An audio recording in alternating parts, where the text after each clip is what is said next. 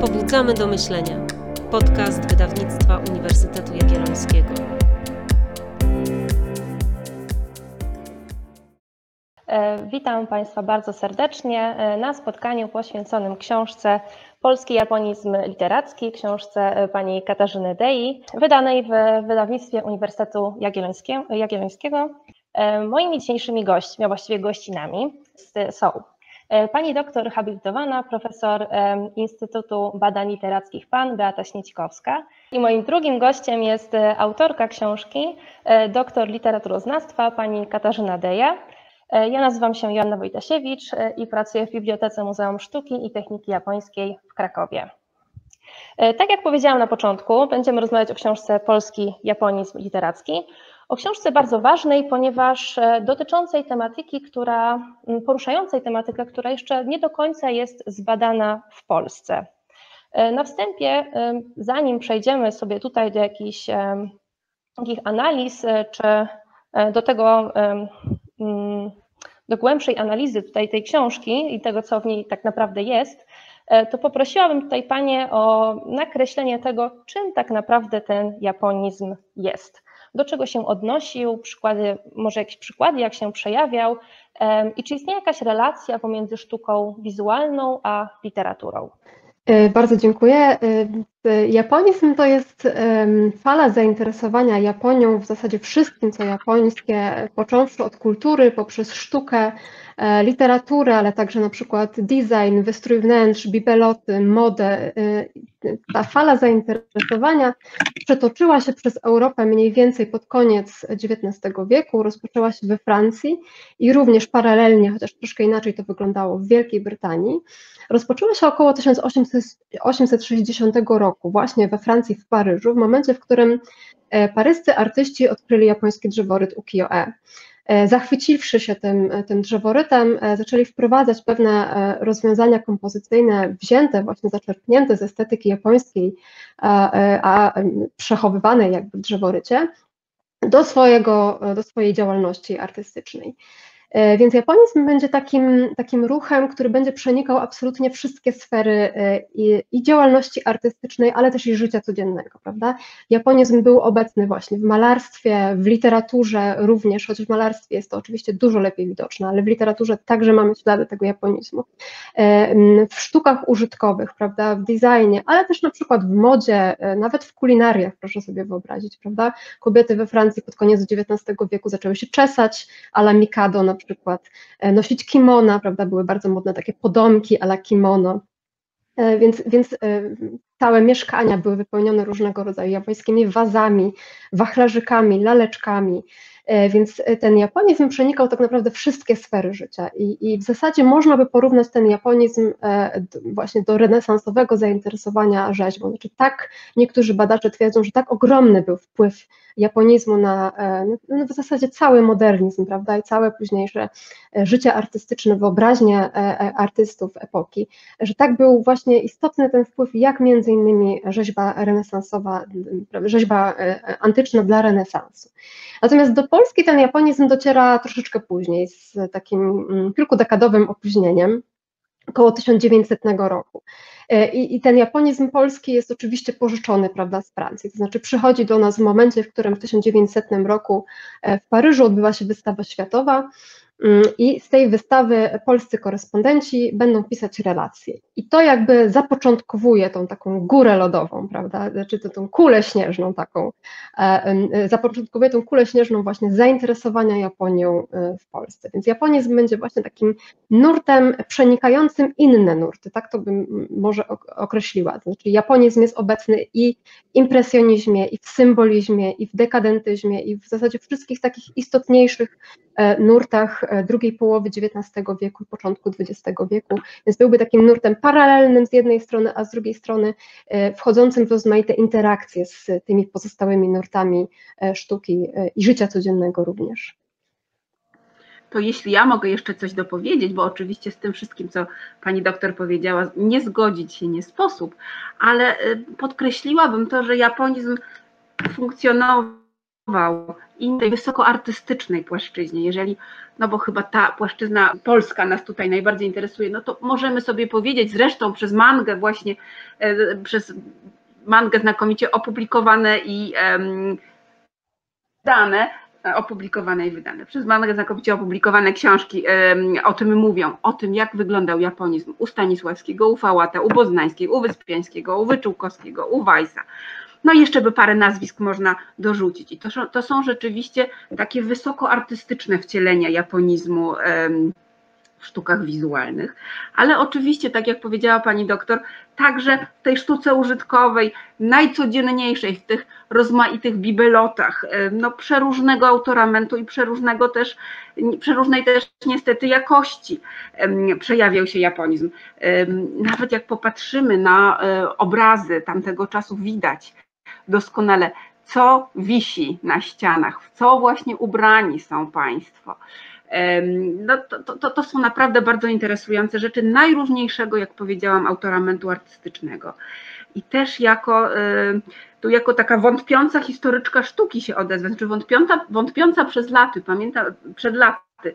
Pamiętam, jak mm, jeszcze jako studentka historii sztuki wielokrotnie słyszałam o ogromnym wpływie właśnie japońskich drzeworytów ukiyo-e na um, sztukę końca wieku XIX, ale także właśnie na nurty preawangardowe i awangardowe początków wieku XX i wydawało mi się, że jest to delikatnie rzecz ujmując przerysowane. Natomiast im bardziej się tym zajmowałam, także właśnie w moich badaniach dotyczących wpływu daleko, dalekowschodnich przeróżnych nurtów na to, co działo się w Europie i w Polsce, tym bardziej przekonywałam się, że rzecz jest jak najbardziej udokumentowana, prawdziwa. Mało tego, może nawet należałoby mówić jeszcze szerzej o tych wpływach.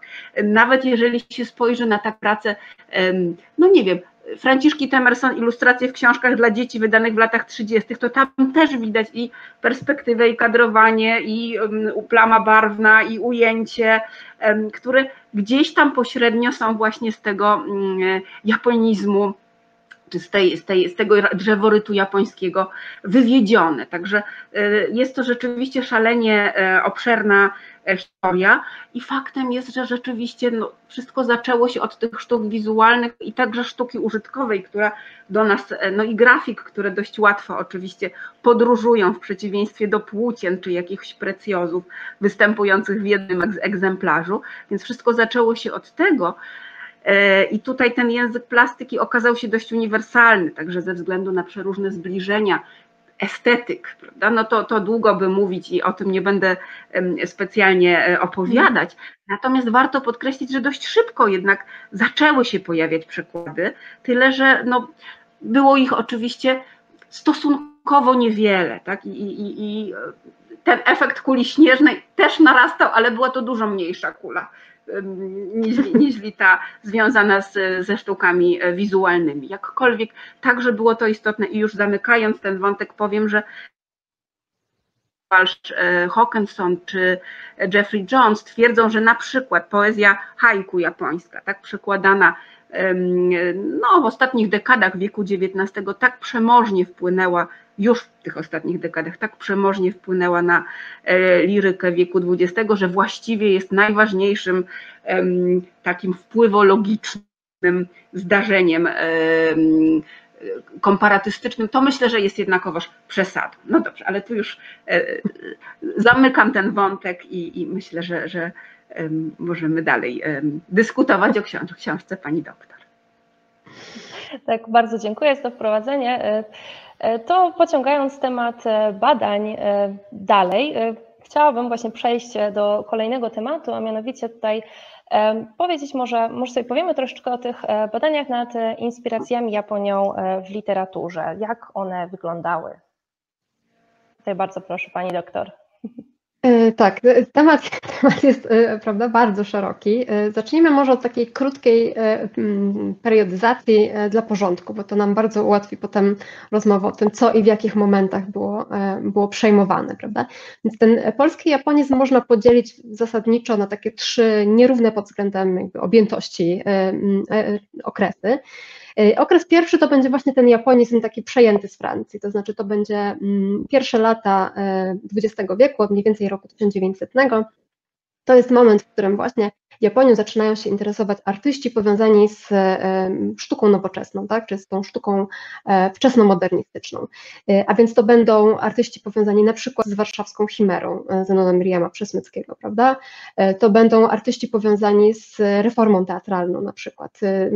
Podam przykład w 1902 roku turnę po Polsce odbyła japońska trupa teatralna Otojiro Kawakamiego i jego żony, byłej Gersi Sadayakko.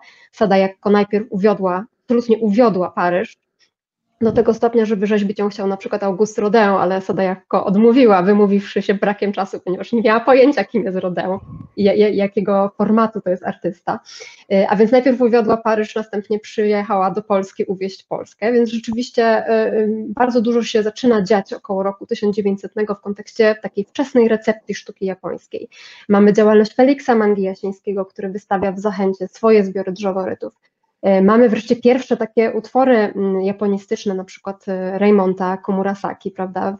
Wspaniała, króciutka nowelka e, o japońskiej leleczce uwięzionej na wystawie antykwariatu paryskiego. Więc coś się zaczyna dziać, ale ten japonizm dotyczy raczej właśnie artystów i raczej jest powiązany z takimi nowymi tendencjami w sztuce.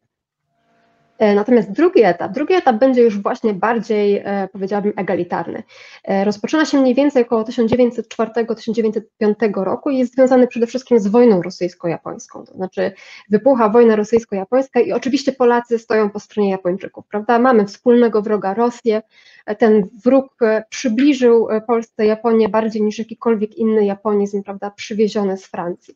Więc rzeczywiście Japonia zaczyna w tym momencie wkraczać bardzo silnie do świadomości takiego przeciętnego odbiorcy y, kultury, prawda? Pojawiają się bardzo duża ilość artykułów w prasie codziennej, na przykład w Kurierze Warszawskim, prawda?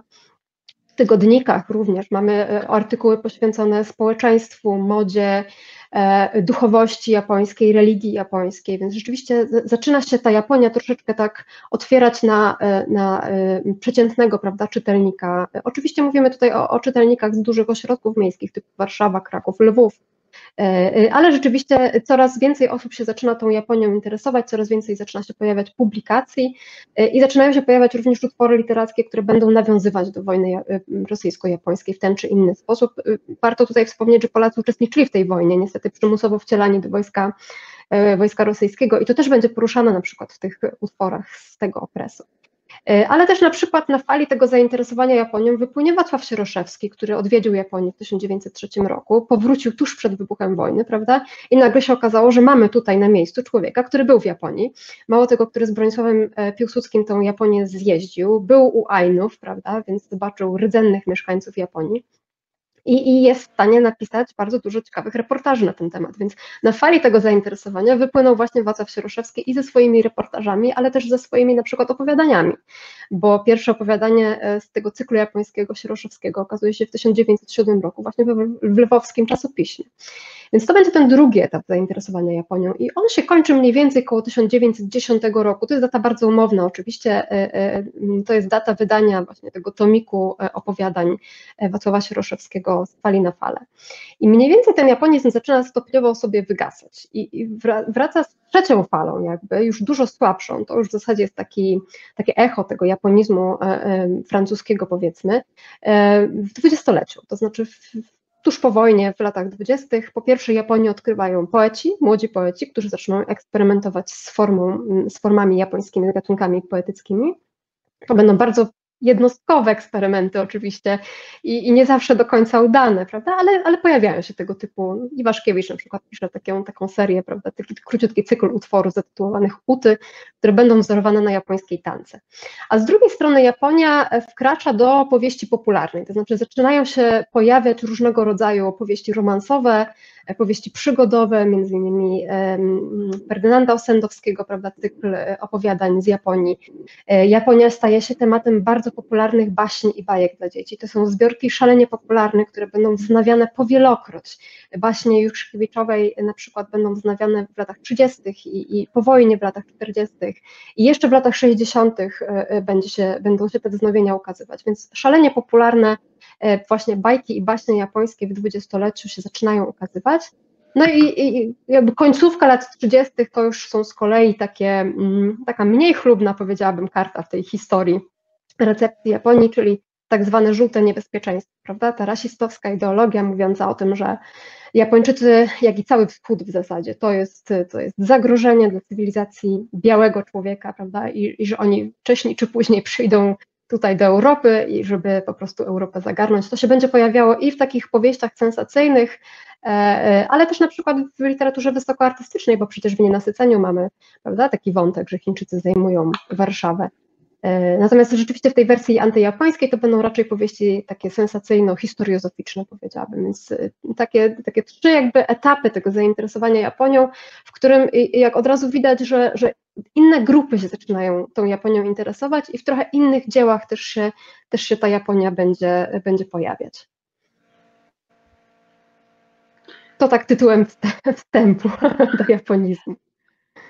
A z drugiej strony no. można popatrzeć jeszcze tak, że e, w tym, co tworzyli nasi prawda, autorzy, e, szuka się wpływów japońszczyzny. E, czasami są to bardziej, czasami mniej, jak, jak ja to oceniam, udane próby interpretacyjne, ale jednak no nie bez kozery takie pytania powstają. Tutaj już powiedziała pani doktor e, o e, Kwiatkowskim, nie o Kwiatkowskim nie powiedziała, tylko o Iwaszkiewiczu, prawda? Natomiast ja chciałam na przykład powiedzieć o Kwiatkowskim, który,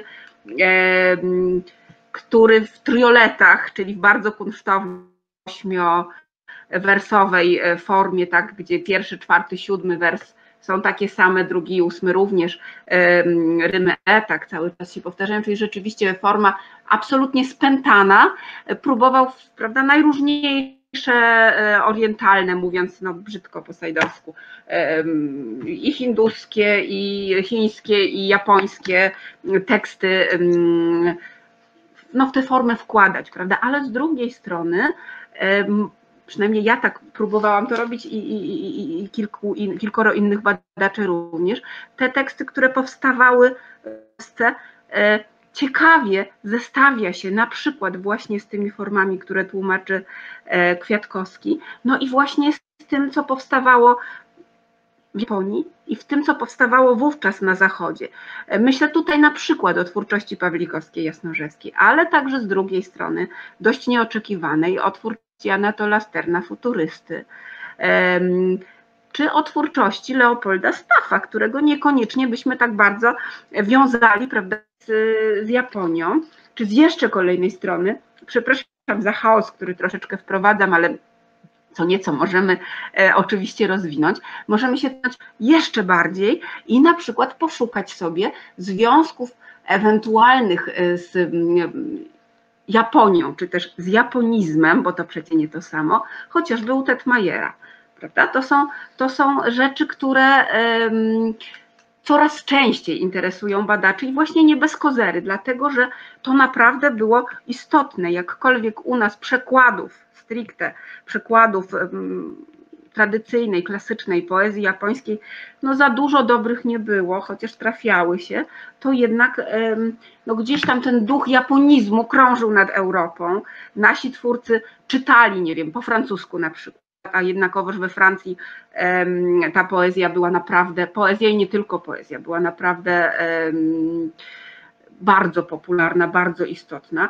E, i gdzieś pewne, pewne te rysy e, można odnaleźć. Także, także rzecz, rzecz wydaje mi się tutaj bardzo cenna.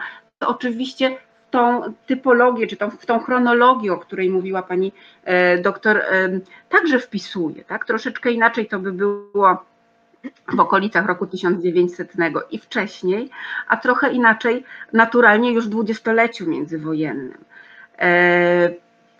jeżeli to, jeżeli pani Joanna pozwoli, to ja nawet mogę pani, pani, państwu tutaj kilka krócieńkich, krócieńkich y, tekstów y, odczytać. Y, pozwoli bardzo pani Joanna. Bardzo proszę pani profesor, oczywiście, bardzo proszę.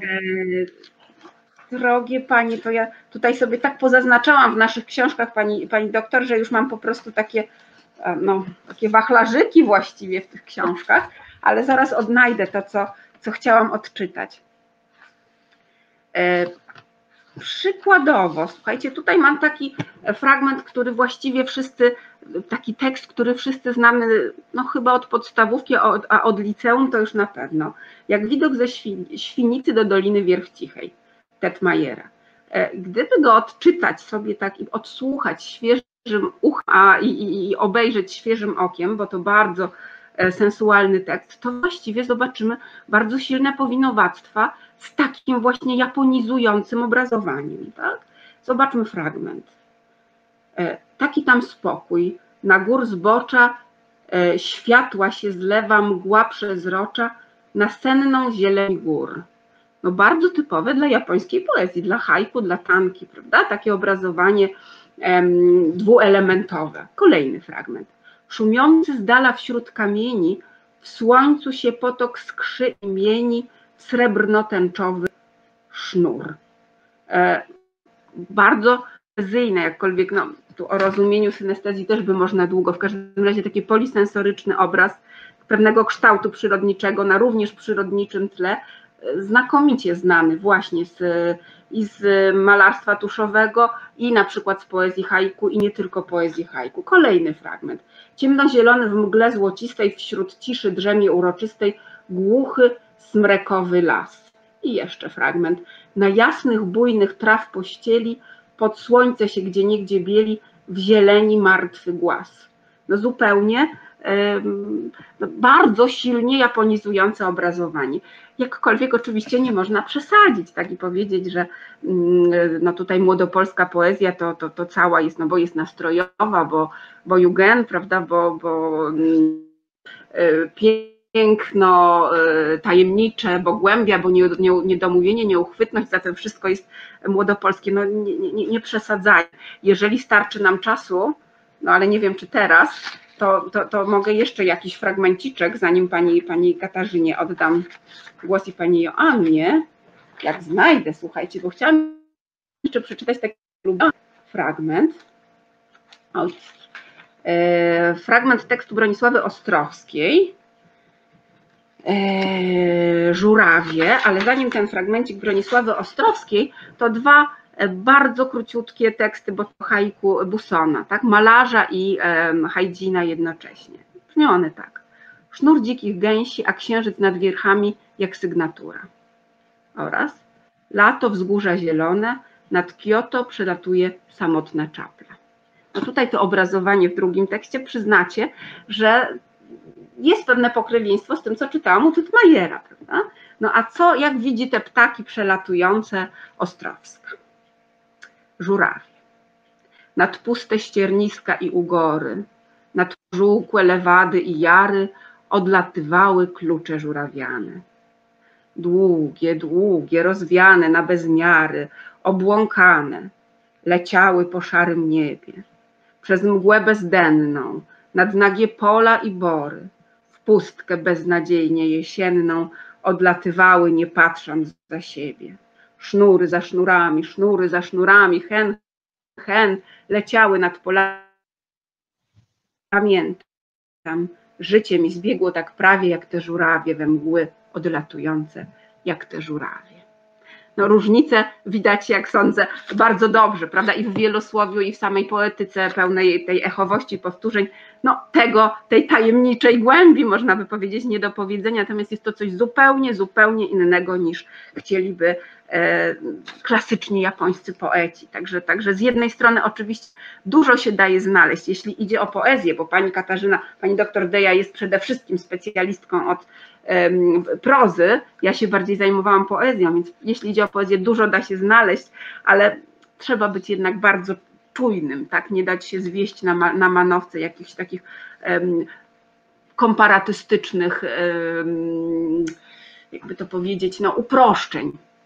Jakkolwiek oczywiście wszelkie poszukiwania na tym, na tym, na tym polu są e, warte prowadzenia. No dobrze, to, to ja już tyle, o, jeśli idzie o ten poetycki trend, i znowu oddaję głos do studia. Bardzo dziękuję. E, e, bardzo ciekawe były e, wszystkie fragmenty. Tutaj, tak jak pani profesor powiedziała, to są jest bardzo dużo tych aspektów, które można badać, które wskazują nam te powiązania z japońską poezją, między innymi. ale domyślam się, że nie wszystkie one są takie dosyć jednoznaczne, niejednoznacznie wskazują na jakieś nawiązania do, do Japonii czy inspiracją Japonią, że mm, domyślam się również, że musiały Panie spotkać jakieś trudności tak, w tym badaniu, no, badaniu badaniach nad e, japońskim, nad, literac- nad japonizmem literackim. To może kilka słów w takim razie o tych trudnościach, które można, e, można spotkać, o jakichś zbliżeniach i oddaleniach. Hmm. E, tak, no przede wszystkim trzeba pamiętać, że te inspiracje przyjmują e, niesamowicie różne kształty. Tutaj e, pani profesor wspomniała o bardzo ciekawych zestawieniach dotyczących poezji, prawda? Natomiast jeśli się spojrzy na to, co w zasadzie mamy z tego japonizmu, prawda, polskiego, to zobaczymy, że to są teksty bardzo różne. Mamy takie oczywiste japonistyczne rzeczy, na przykład opowiadania właśnie Sieroszewskiego, ale mamy też na przykład pojedyncze wzmianki, takie dosłownie punktowe, prawda? To, że Raymond na przykład nazywa swoją bohaterkę Komurasaki, w zasadzie nie mając pojęcia, kim ta bohaterka jest w Japonii, prawda? Nie, nie wiedząc, jaki, jaki jest oryginał tej historii. E, więc mamy takie e, bardzo punktowe nawiązania, mamy nawiązania bardzo szerokie, e, typu właśnie parafrazy na przykład japońskich legend, czy, czy parafrazy japońskich tekstów literackich różnego typu. Mamy bardzo intrygujące takie teksty, podam przykład, Kiyomori, to jest taka króciutka jednoaktówka Tadeusza Miecińskiego, bardzo znanego poety młodopolskiego. E, Jednoaktówka niestety e, zachowana tylko we fragmencie, w której pojawia się właśnie imię Kiyomori, prawda? Jeżeli ktoś z Państwa oglądających się interesuje literaturą japońską, to pewnie gdzieś mu tam lampka w tym momencie zaświeciła, prawda? Że to jest bohater, to jest postać historyczna, ale również bohater eposu Heike Monogatari.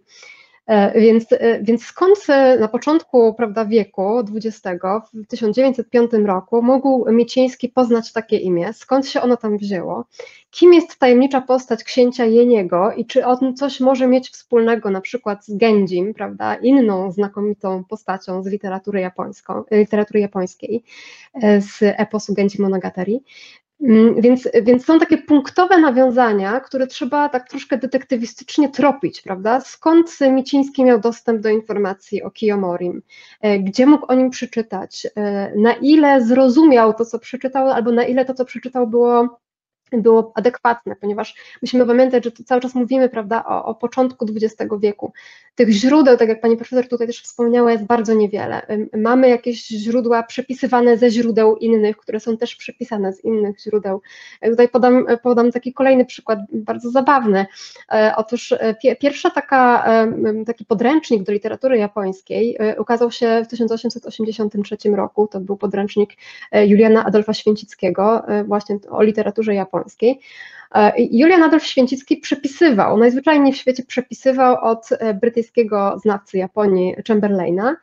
E, I na przykład wiersz, który u Chamberlaina opisany jest anon z kropką, znaczy, że autor jest anonimowy, Święcicki przypisuje, że autor nazywa się Anon, prawda? I mówi, że bardzo znany w Japonii poeta Anon, który oczywiście nigdy nie istniał. Co więcej, potem Święcicki tę samą książkę wydaje po raz drugi w 1902 roku i z tego Anona robi Amona, prawda? Więc nagle się okazuje, że w Japonii bardzo znany poeta Amon o egipskim imieniu, nie wiadomo, nie wiadomo skąd się wziął, prawda? Więc, więc tego typu, e, tego typu e, takie detektywistyczne poszukiwania, kto od kogo co przypisał, jakie błędy po drodze zrobił, to zaczyna momentami przypominać troszeczkę zabawę w głuchy telefon, prawda? Potem e, Kwiatkowski, autor literatury japońskiej, przepisuje od Święcickiego i popełnia kolejne błędy, prawda? Na przykład Tanka, prawidłowo nazwaną Święcickiego, staje się z jakichś tajemniczych powodów Taszką. I teraz, jeżeli ktoś będzie spisywał od Kwiatkowskiego, to oczywiście ten błąd znowuż powieli, prawda? E, więc, więc rzeczywiście główna trudność polegałaby właśnie na wytropieniu tych związków, wytropieniu kto od kogo i co, co przypisał i jakie błędy przy tym popełnił. A poza tym jeszcze tutaj, tak jak pani profesor wspominała o takim japonizmie właśnie nieoczywistym, prawda, takim japonizmie, co do którego bardzo dużo wątpliwości się pojawia, bo widzimy pewne paralele, ale one nie są oczywiste i nie możemy z czystym sumieniem, tak jak pani profesor tutaj zresztą wspomniała, powiedzieć, że Tetmajer czytywał japońską poezję i z tych japońskich poetów spisywał, bo oczywiście tak nie było, prawda?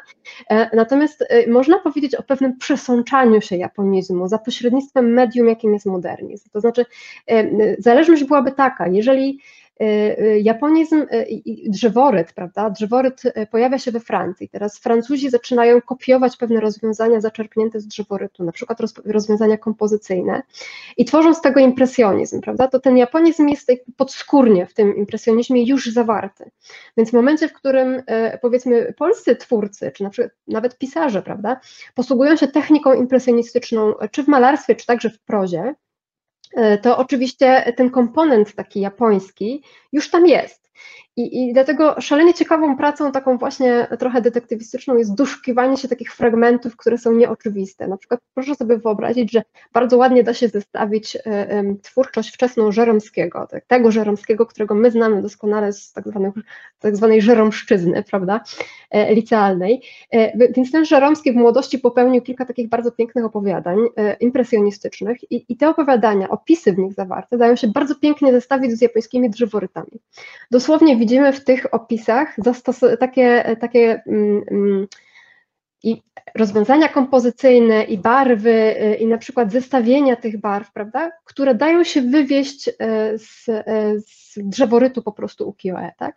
Więc teraz się można zapytać oczywiście, czy, czy Żeromski miał dostęp do tych drzeworytów, czy może na przykład Żeromski inspirował się opowiadaniami Zoli, o którym wiemy, że był japonistą i że stosował takie rozwiązania, prawda? Więc to wszystko jest taka niesamowita sieć zależności, sieć takich transkulturowych półbrzmień, powiedzmy, czy właśnie zależności, e, która daje takie, a nie inne efekty. Więc z jednej strony jest to, jest to szalenie trudne do, do rozszyfrowania, a z drugiej stro, strony wydaje mi się, że to jest właśnie ta najciekawsza rzecz w pracy nad japonizmem, prawda? To takie szukanie tych punktów wspólnych, e, punktów takich przenikania, można powiedzieć, prawda?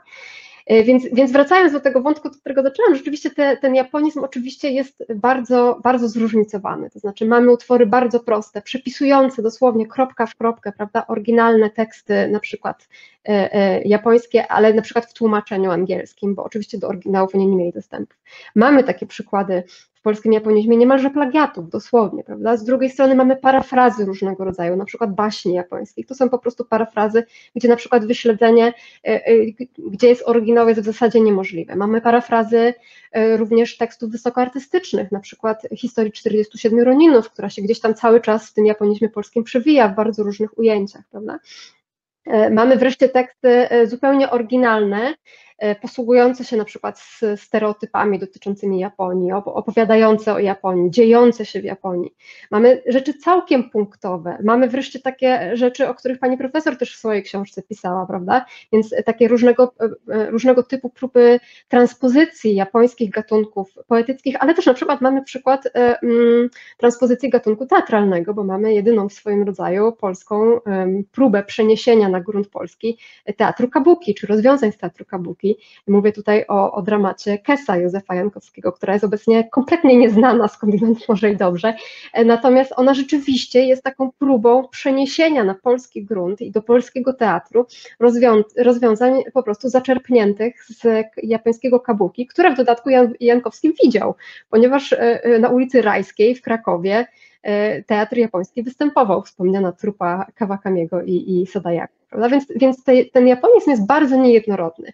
Tych przykładów nie jest dużo, ale one z drugiej strony właśnie są nieprawdopodobnie niejednorodne i trudno też podatne na taki jakiś syntezujący ogląd, bym powiedziała. Bym powiedziała. Zachęcam też do własnych.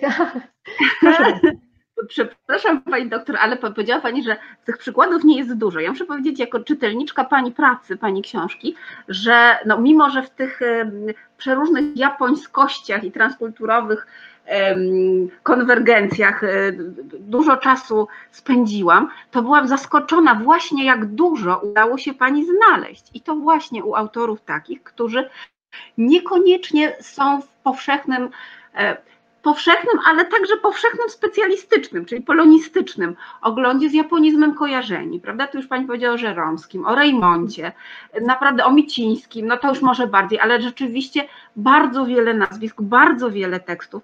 E, tak jak mówię, dla mnie, która jednakowoż e, tym japonizmem się zajmowałam, e, I tak w tej książce było mnóstwo rzeczy, o które nie podejrzewałam naszych e, pisarzy, tak?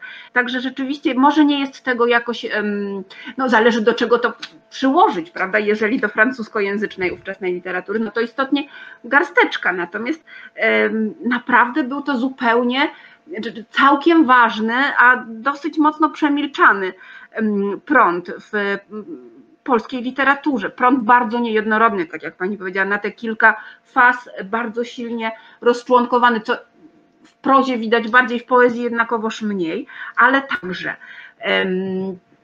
to, co jest ważne, co chcę podkreślić, bo pani doktor tego nie, nie wypada powiedzieć, ale ja mogę powiedzieć, że ta książka, książka e, polski japonizm literacki rzeczywiście zasypuje pewną przepaść, która ziała w naszym literaturoznawstwie. Przepaść dotyczącą no właśnie, obecności w latach tutaj 1900-1939, obecności japonizmu, obecności wcielanych artystycznie zainteresowań Dalekim Wschodem w naszą literaturę.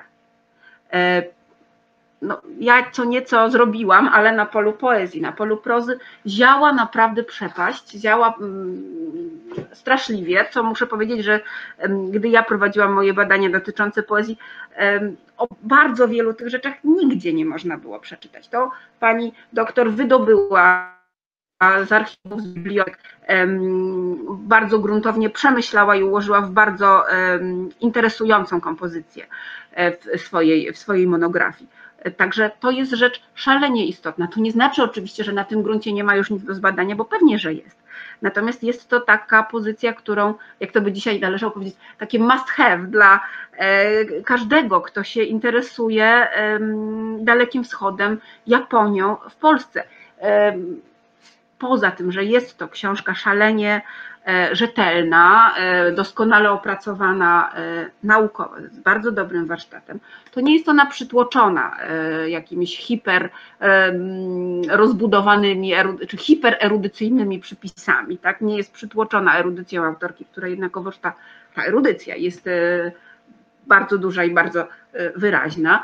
Także dla odbiorcy, który może jakby no chciałby się też tak historycznie dobrze poczuć w tej epoce i doskonale wiedzieć, gdzie, w którym momencie się znajdujemy, jest kalendarium na końcu. Tak? Na początku prosta rzecz, ale ważna, mianowicie kwestia samej wymowy, tak? żeby nie czytać baszo na przykład, tylko basio czy nie kaczoga, tak, to, to, to, tylko kacioga, no to ja też nie, pewnie nie robię tego idealnie, ale chociaż w miarę się do tego, do tej właściwej wymowy można zbliżyć. Także istotnie jest to rzecz, której nie było. Której nie było, to nie jest taka praca, która no, gdzieś tam wydobyła na światło dzienne pewne luki, czy dyskutowała z jakimiś teoriami. Naturalnie dyskutuje z różnymi teoriami, ale zasadniczo prezentuje materiał, którego polskie literaturoznawstwo nie obrobiło dotąd w ogóle, prawie w ogóle to było właściwie kilka artykułów dotyczących problematyki, która stanowi zasadniczą e, część pracy e, pani doktor. Także ja tutaj mogę z pełną odpowiedzialnością e, zarekomendować odbiorcom. A jeśli jeszcze mogę uszczknąć, no, naprawdę przyjemność, cała przyjemność po mojej stronie. E, nic tu nie przesadzam. Natomiast jeśli jeszcze e, adwocem tego, co pani doktor powiedziała już merytorycznie, e, znaczy to też było merytorycznie, ale już merytorycznie do pewnych kwestii, o których, o których mowa, to rzeczywiście badacz japonizmów literaturze pierwszych dekad wieku XX w Polsce czasami czuje się jak detektyw. I mimo, że poruszamy się często w obrębie twórczości autorów, wydawałoby się znakomicie znanych, prawda? Wszystko wiadomo, wszystko opublikowano, powstało mnóstwo doktoratów, magisterek i tak dalej, to znajdujemy rzeczy kompletnie właściwie nieznane, przemilczane. No dla mnie na przykład takim odkryciem było, słuchajcie, w ferworze zamknęłam, ale zaraz znajdę, było odkrycie tekstów napisanych przez pewnego niebywa, znaczy przełożonych przez pewnego niebywale do nam znanego poetę. Ja przeczytam jeden taki, jedną taką tankę. E, brzmi ona tak. Ku Twoim, mój miły stronom, spoglądam samotna. Góro i komo. wy obłoki, nie przysłaniajcie tej góry, choćby deszcz padał. Bardzo czyste, tak bardzo rzeczywiście klarowne, mm, niewielosłowne, nieprzemetaforyzowane obrazowanie, tak? Bardzo, bardzo taka czysta liryka, rzeczywiście bliska e, tankom japońskim. Skąd to wzięte? A no to jest, proszę pań, e, Leśmian. To Leśmian.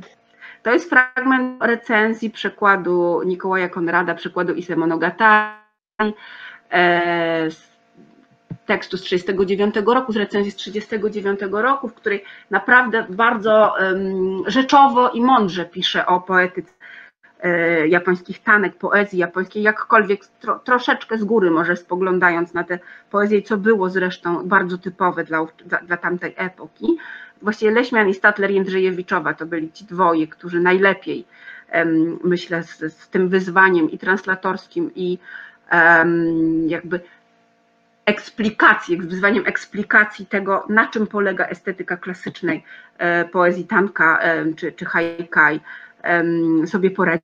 Natomiast to jest przekład właśnie Leśmiana z Ise Monogatari. Ostatni poeta, który przyszedłby nam do głowy, prawda? Jakkolwiek on zaznacza, moje mm, drogie panie, że on tłumaczy prozą, że to jest przekład prozą. On jest ujęty w pięć wersów, tak? My byśmy dzisiaj absolutnie powiedzieli, że to jest prozą, tak? Z perspektywy Leśmiana i jego poezja to jest przekład prozą, natomiast jest to przekład fenomenalny, znakomity. I że to jest właśnie Leśmian. A na drugim krańcu, no też literat, ale nie mogę sobie odmówić, słuchajcie, chociaż to może brzydko, ale pani Kasia też wywleka, zresztą za moim poruczeniem, rozmaite brzydkie historie, jak to nam od siebie spisywali i co za czasami bzdury jednakowo, jednakowoż się pojawiały w tych tekstach. Gdy czytamy teksty właśnie um, krytyczne, tak? teksty mają objaśniać, które mają czytelnika w e, tajniki tej jakże dalekiej mu e, poetyki. Przykład czytamy w tekście niejakiego Adolfa Nowaczyńskiego poświęconemu, poświęconym właśnie poezji haiku, tekst e, zatytułowany właśnie Hajkaj, jedyne młodopolskie studium, jedyne dotyczące poezji haiku, tak, jedyne jakie wówczas powstało. E, no ja już tutaj co nieco czytałam, jeśli idzie o haiku, zresztą to jest poetyka dziś naprawdę dobrze nam znana, prawda? E, no i Matsuo Basio jako główny, jako ojciec założyciel powiedzmy tej um, głównej linii e, haiku. E, co pisze o nim, e, co pisze o nim Nowaczyński? Ano pisze tak. Liryk Matsuo Basio grzmiał czasem głośnym hukiem trąbi strąconych aniołów. Kiedy wzgarda dla pełzającego nisko robactwa ludzkiego dusiła mu gardło, wydobywał z piersi chrapliwy jęk nienawiści i cierpiej negacji. Świstał rapem, którym biczują się bonzowie w klatkach drewnianych. Potępiał i protestował nieubłagalnie i do końca życia, świadom posłannictwa nad swej nieprzekupnej kazalnicy nadspołecznej – dotrwał aż do siwych włosów, poddając się tylko jednemu, to jest przekazanej formie literackiego wylewu haikai. Kontury tego utworu obejmował Matsuo wszystkie dziedziny życia, zamykał klamrami swoje poglądy na wolność, idealizm, naturalizm, pesymizm, nurty polityczne, zagadki transcendentalne i tęsknoty pozaziemskie. No to istotnie pozaziemski zupełnie tekst i siwych włosów czytając takie, no, to są takie jakieś perły, czy właściwie no, to, to, jakieś perły w tombaku, tak? No, przedziwne zupełnie teksty, które absolutnie nic wspólnego z fakt, tak zwanymi faktami literackimi nie mają. Natomiast trzeba zdać sobie sprawę, że ten biedny polski czytelnik właśnie z tym obcował, tak? I zobaczcie jednakowoż, jak silny był ten duch japonizmu krążący po Europie, skoro jednakowoż wcielał się w tę poezję e, polską naszą, skoro tak właśnie wyglądały te teksty e, no, rzekomo przybliżające. E, zresztą na przykład Święcicki pisał, że w początkach wieku XX, tak, opisywał tę poezję właśnie tak troszeczkę z dystansu, że no tak, no to takie kunsztowne, ale właściwie niespecjalnie te, te wspaniałe poruszenia duszy można w to zamykać i to, że hajka i, i tanka już nie wrócą, to wydaje się pewne, co oczywiście jest niebywale zabawne wobec tego przeogromnego przeogromnej eksplozji tej poezji i poezji inspirowanej tą, tymi formami w całej Europie, ba, w Ameryce, no wszędzie w zasadzie na świecie, prawda? I w Polsce także. I jeszcze jedna kwestia, jak ciekawie można zestawiać na przykład to, co robili imarzyści, z tym, co na przykład u nas robiła Pawlikowska Jasnorzewska. Tu imarzyzm jako ten łącznik jest absolutnie przeceniany, natomiast same realizacje poetyckie e, no, na wielu właśnie takich transkulturowych płaszczyznach dają się porównywać i, i, i tutaj na przykład Amy Lowell i, i Maria Pawlikowska-Jasnorzewska to takie trochę siostry po piórze, jakkolwiek i tutaj można sporo różnic znaleźć. No dobrze, ale to tylko tak punktowo, nie czytam już Amy Lowell i Pawlikowskiej-Jasnorzewskiej. To Chociaż ja miałabym... tak też żeby dodać parę słów do tego, co pani profesor powiedziała, bo my tutaj mówimy bardzo dużo o błędach, prawda, o tych przeinaczeniach, o tych bzdurach kompletnych, które oni wypisywali, e, ale żeby zachować proporcje, to, to może należy przy tym wszystkim pamiętać, że było też bardzo dużo zaskakująco trafnych informacji transmitowanych do Polski, prawda, że, że mamy, mamy przykład takiego na przykład Wacława Sieroszewskiego, który, który świetnie zrozumiał japońską duchowość, będąc w Japonii, świetnie zrozumiał na przykład e, w sposób, w jaki w Japonii funkcjonuje poezja. E, jeżeli się zestawi, powiedzmy, jego utwory prozatorskie, nawet z takimi arcydziełami jak Zapiski spod bezgłowia Seisho Nagon, prawda, klasyka absolutna, to nagle się okaże, że Sieroszewski doskonale rozumie, jak się za pomocą poezji na przykład dialoguje, prawda, przy nawiązywaniu romansu, jak się rozmawia za pomocą poezji. To są rzeczy, których y, nawet i dzisiaj przeciętny, nawet zainteresowany czytelnik Japonią, prawda, po prostu nie, nie, nie musi wiedzieć, prawda, czy bardzo często nie wie. Natomiast y, y, prawda, Sieroszewski w 1905 roku doskonale ma tego świadomość, w jaki sposób poezja funkcjonuje w życiu Japończyków. Ma świadomość tego na przykład, e, jakie znaczenie estetyczne ma e, opadające, mają opadające płatki e, wiśni kwitnącej, prawda? To widać w jednym z jego opowiadań. Więc ma taką świadomość właśnie pewnej takiej estetyzacji życia, duchowości japońskiej. Z drugiej strony mamy na przykład takiego Micińskiego, prawda, który może i popełnia istotne błędy, które wynikają między innymi z tego, że no nie było jednoletniej transkrypcji przede wszystkim, prawda? Więc te słowa japońskie, te nazwy własne japońskie, one były zapisywane w trzy światy, naprawdę kompletnie różnie. Więc ta transkrypcja jest bardzo, bardzo niejasna, ale z drugiej strony skąd, e, prawda, w 1905 roku ktokolwiek może wiedzieć, kim był Kiyomori, kim był książę Gędzi, prawda? I jeszcze prawidłowo wykorzystać te postaci we własnym tekście.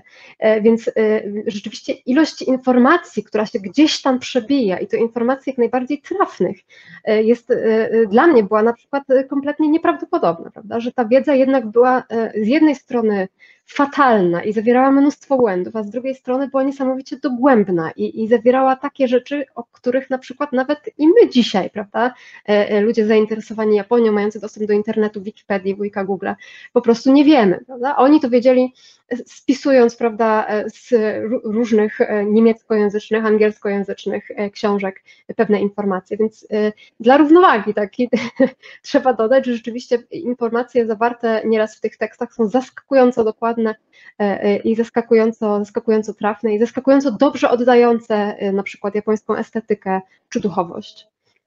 Tak, tak, tak. To jest niesamowita mozaika. To jest taka mhm. mozaika, którą właściwie trudno opowiedzieć, szczególnie w ciągu takiego krótkiego spotkania, prawda? Tak. Że, a poza tym, co też jest ważne, czasem z tych błędnych odczytań e, wynikają świetne teksty. To też się zdarza, prawda? Że ta inspiracja, gdybyśmy mieli oceniać, mm, jakby to powiedzieć, ortodoksyjne przeniesienie pewnej inspiracji, pewnej wiadomości, no to rzeczywiście pomyłka, tak? Natomiast te pomyłki bywają bardzo kreatywne. Zdarza się, że coś, co jest no, pewnym zafałszowaniem, prawda, z perspektywy właśnie badawczej, jednak rodzi znakomity tekst literacki. To też się naprawdę zdarza całkiem często, czy znakomity tekst poetycki, który jest na przykład y, no, jakoś parodystyczny w stosunku do tego, co um, uważano za formę, za formę um, dalekowschodnią. Także rzeczywiście tu jest mnóstwo, mnóstwo e, zagadnień, zagadnień, które tak mi się wydaje po lekturze e, także książki pani doktor, że to są zagadnienia, które gdzieś tam podskórnie naprawdę w naszej literaturze mm, pierwszych trzech, czterech dekad XX wieku, które naprawdę bardzo dobrze, że wreszcie zostały wydobyte na światło dzienne. I tutaj po prostu nie da się takiej jednej narracji. Ta narracja musi się w kilka prądów rozgałęziać, ponieważ rzecz jest naprawdę szalenie, szalenie złożona. I właśnie oprócz tego, no ja też byłam zdumiona tym, jak na przykład Sieroszewski zupełnie na marginesie pewnych rozpoznań pisze o poezji japońskiej, jak to są celne uwagi. W przeciwieństwie na przykład do Nowaczyńskiego, który no wydawałoby się, że no szczególnie skoro pisze monograficzny szkic na temat konkretnego gatunku dalekowschodniego powinien co nieco wiedzieć, tak, a nie tylko, no nie wiadomo w ogóle skąd. Ja się zastanawiam, czy może on pomylił haiku z Senryu, no ale to też by nie za bardzo pasowało, na poza tym dlaczego Matsuo Basio wtedy. Trudno powiedzieć, tak? Natomiast no rzeczywiście tych kamyczków drobnych, które się bardzo ciekawy, ale bardzo niejednorodny obraz układają, jest mnóstwo. I ja myślę, że jeszcze jeszcze sporo jest do wydobycia. Nie wiem, jak pani to e, widzi, pani doktor, bo mm, z mojej perspektywy, także osoby przede wszystkim badającej poezję, mnie się zdaje, że tam jeszcze sporo się znajdzie właśnie w tych latach 1900-1939, czy jak troszeczkę rozszerzymy te, te, te, te, te ramy to także. Tak, zwłaszcza gdyby rozszerzyć te ramy, to na pewno jeszcze się, jeszcze się sporo rzeczy może znaleźć. Bardzo ciekawe są też różnego rodzaju takie, takie miejsca, powiedzmy, przejściowe pomiędzy literaturą a sztuką. Na przykład tak. są wspaniale wydane tomiki poetyckie, które są e, ozdabiane japonizującymi winietami, prawda? Więc choć w mhm. samym tomiku na przykład nie ma, powiedzmy, nawiązań do Japonii, to ta Japonia się tam pojawia jakby w postaci tych winiet, prawda? E, więc, więc myślę, że tutaj rzeczywiście jest jeszcze, jeszcze pole, a już na pewno jest pole do doszukiwania się takiego japonizmu nieoczywistego, prawda? Ja w zasadzie w książce podałam tylko takie trzy przykłady e, e, tego japonizmu nieoczywistego, czyli właśnie impresjonizm Żeromskiego. Bardzo dziękuję. Właśnie, że Żeromski, ale też na przykład Mieciński, groteska Miecińskiego, którą można zestawić e, z drzeworytem i teatrem japońskim. E, także wydaje mi się, że tego japonizmu nieoczywistego tutaj jeszcze faktycznie można by, można by potropić go. E, to też jest intrygujące, że to, rzeczywiście to, to po pierwsze nie są dzieła wiekopomne przeważnie, prawda? Ten, ten japonizm to, to nie są takie rzeczy, które, które gdzieś tam funkcjonują w takim kanonicznym obiegu, powiedzmy, dotyczącym e, młodej Polski. To są rzeczy mniej znane, bardzo często punktowe, jakieś takie rozproszone, ale z drugiej strony, jak się to wszystko zbierze w całość e, i zestawi zwłaszcza z ogromną ilością dzieł poświęconych Japonii, czyli tej całej te, temu zapleczu recepcyjnemu, powiedzmy, dotyczącego Japonii. Zestawi się to wszystko jeszcze z um, działalnością prasy, w mhm. której na przykład w każdym praktycznie numerze Chimery, prawda, było coś o Japonii, w każdym w zasadzie numerze Wędrowca było coś o, o Japonii, prawda, więc jak się to wszystko zbierze razem, to nagle się okaże, że ten japonizm jakby jest takim stałym elementem tej wyobraźni twórczej, że on nie do końca się musi wszędzie przejawiać, prawda? Więc nie zobaczymy go na przykład w najważniejszych, czy, czy tych e, dzieł epoki, które weszły do kanonu, ale on tam cały czas gdzieś podskórnie pulsuje, prawda? Że, że cały czas był dostęp do tej wiedzy o Japonii, cały czas ta Japonia gdzieś tam się pojawiała. W listach na przykład można znaleźć ciekawe nawiązania do Japonii, że, prawda? Różnego typu. Więc y, ta, ta Japonia była cały czas obecna, wydaje wydaje mi się, w wyobraźni i, i w myślach artystów epoki. I siłą rzeczy to się musiało jakoś, prawda, przełożyć na dzieła, więc wydaje mi się, że pod tym względem takiego poszukiwania właśnie tych elementów, które są nieoczywiste, do, do których się trzeba jakby troszeczkę dokopać, to tutaj jest jeszcze, jest jeszcze pole dla ewentualnych następców. Jestem o tym głęboko przekonana, że tak właśnie jest i że no właśnie w tych nieoczywistych e, formach także on się przejawi. No dla mnie na przykład takim zupełnym zaskoczeniem było kompletnie, kompletnie przegapiony, albo prawie kompletnie przegapiony przez literaturoznawców fakt, że właśnie haiku pisał Anatol Stern, prawda?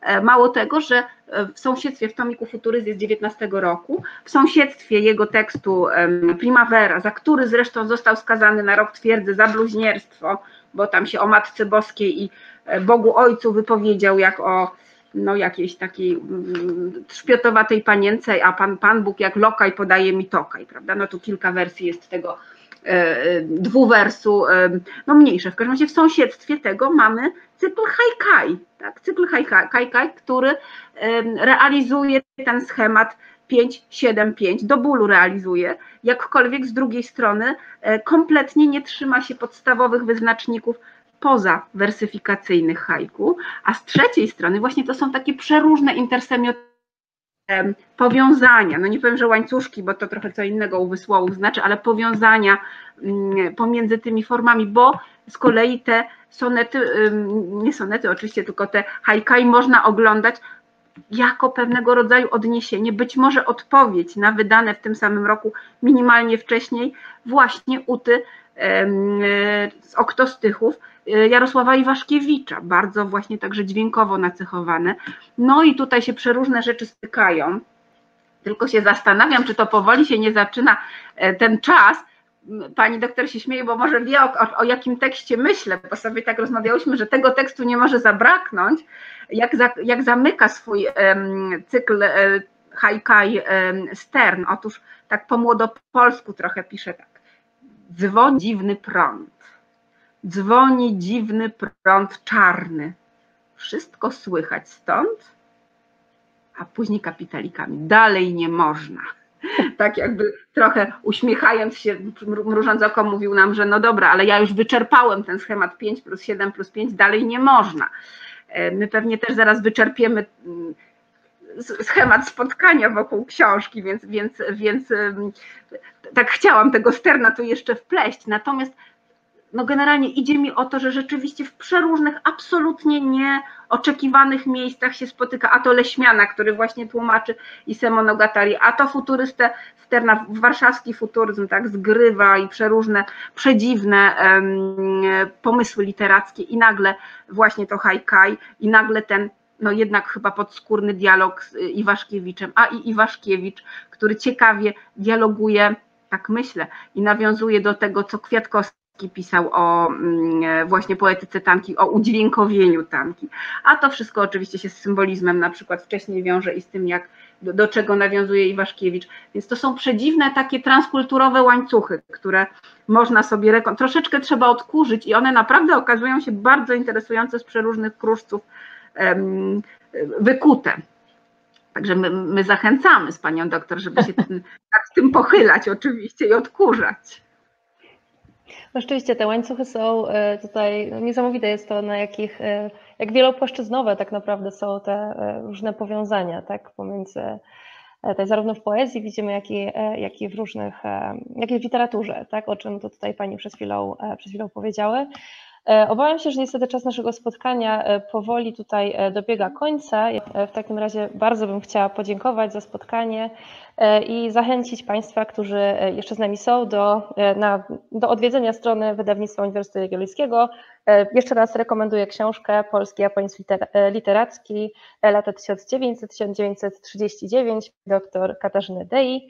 A moimi gośćmi dzisiejszymi była pani profesor Beata Śniecikowska, oraz pani doktor, autorka książki Katarzyna Deja. Bardzo dziękuję za rozmowę. Bardzo dziękujemy. Dziękujemy. Pobudzamy do myślenia. Podcast wydawnictwa Uniwersytetu Jagiellońskiego.